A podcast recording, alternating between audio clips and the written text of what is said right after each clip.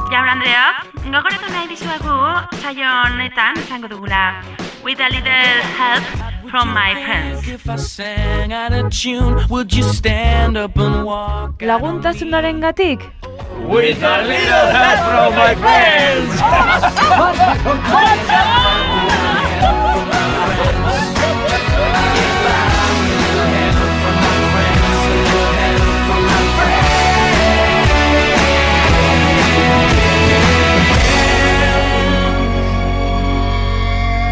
Lehenengo atala. Kaso kepa. Ah, epa, Mikel. Ze, ze moz? E, zeo zen nahi? Ez, ez, ez. Kafea eskatu diat. Ah, egia. Eh, kaina bat, mesedez. Bai, bai, bere ala. Ta, denbora asko daramak zain? Keba, aterako gaitu kerratzea, bale? E, bale. Bueno, da esan ba. Zer da hori, horren garrantzitsua. Mm, Bueno, ba, nola esan... eh, Dena ondo doa? Martarekin ondo? Ze, enau pertsona proposena maitasun aholkuak emateko. Zurik bai? Ah, bai.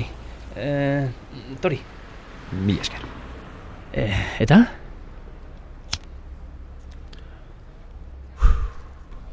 Unai eldiat. Hoa popatik hartzera. Ez diat sekula ulertu nondik datorkian umore beltzori. Serio? Bai, bai. E, eta nola izan da? Kotxeaz. Eta noiz? Atzo. Istripoa izan duk? Ez, keba. Etzuan istripoa izan. Propio harrapatu nian. Gaina behin eta berritan pasatu nian autoa, gainetik hilda zegoela ziurtatzeko. Txantxa duk, ez da? Odoleztatutako hile xerlo batzuk ekarri izkiat. Artu hitzak. Ah, ah, ah kenduri paretik, dios! I, i, i erotu inalaiz. Ez, zeroa ematen diatala. Eta Martak, zer dio? Hm? Zorratzen egongo duk? Etzakik ezer.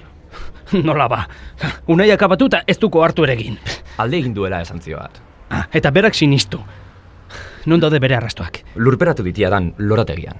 Baina, baina, baina... ba- Baina ikuste duk Marta geldirik egongo dela unai alde egin duela jakinik? Ez duela galderarik egingo? Lasai, egia deskubrituko dik, loreak landatzera edo joaten denean. Gau izotz, alkohol gehiago berdiat. Ah, Baina zergatik egin duk?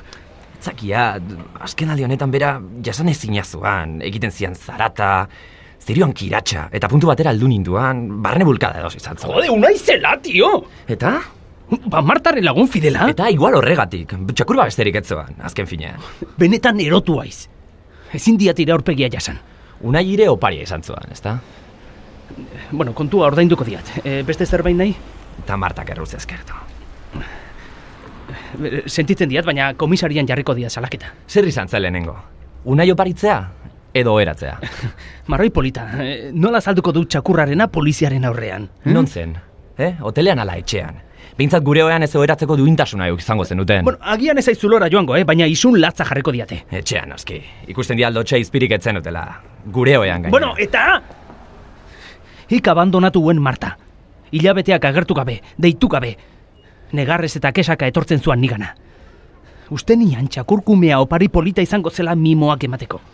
Ezingo uke kotxea zabarrapatu dala frogatu.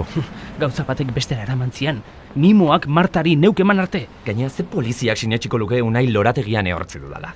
Lan gehiagi txakor baten Bai, ba- baina i berriro agertu eta bere lautzi genioan elkar ikusteari. ja, ja, tio, ja, ja.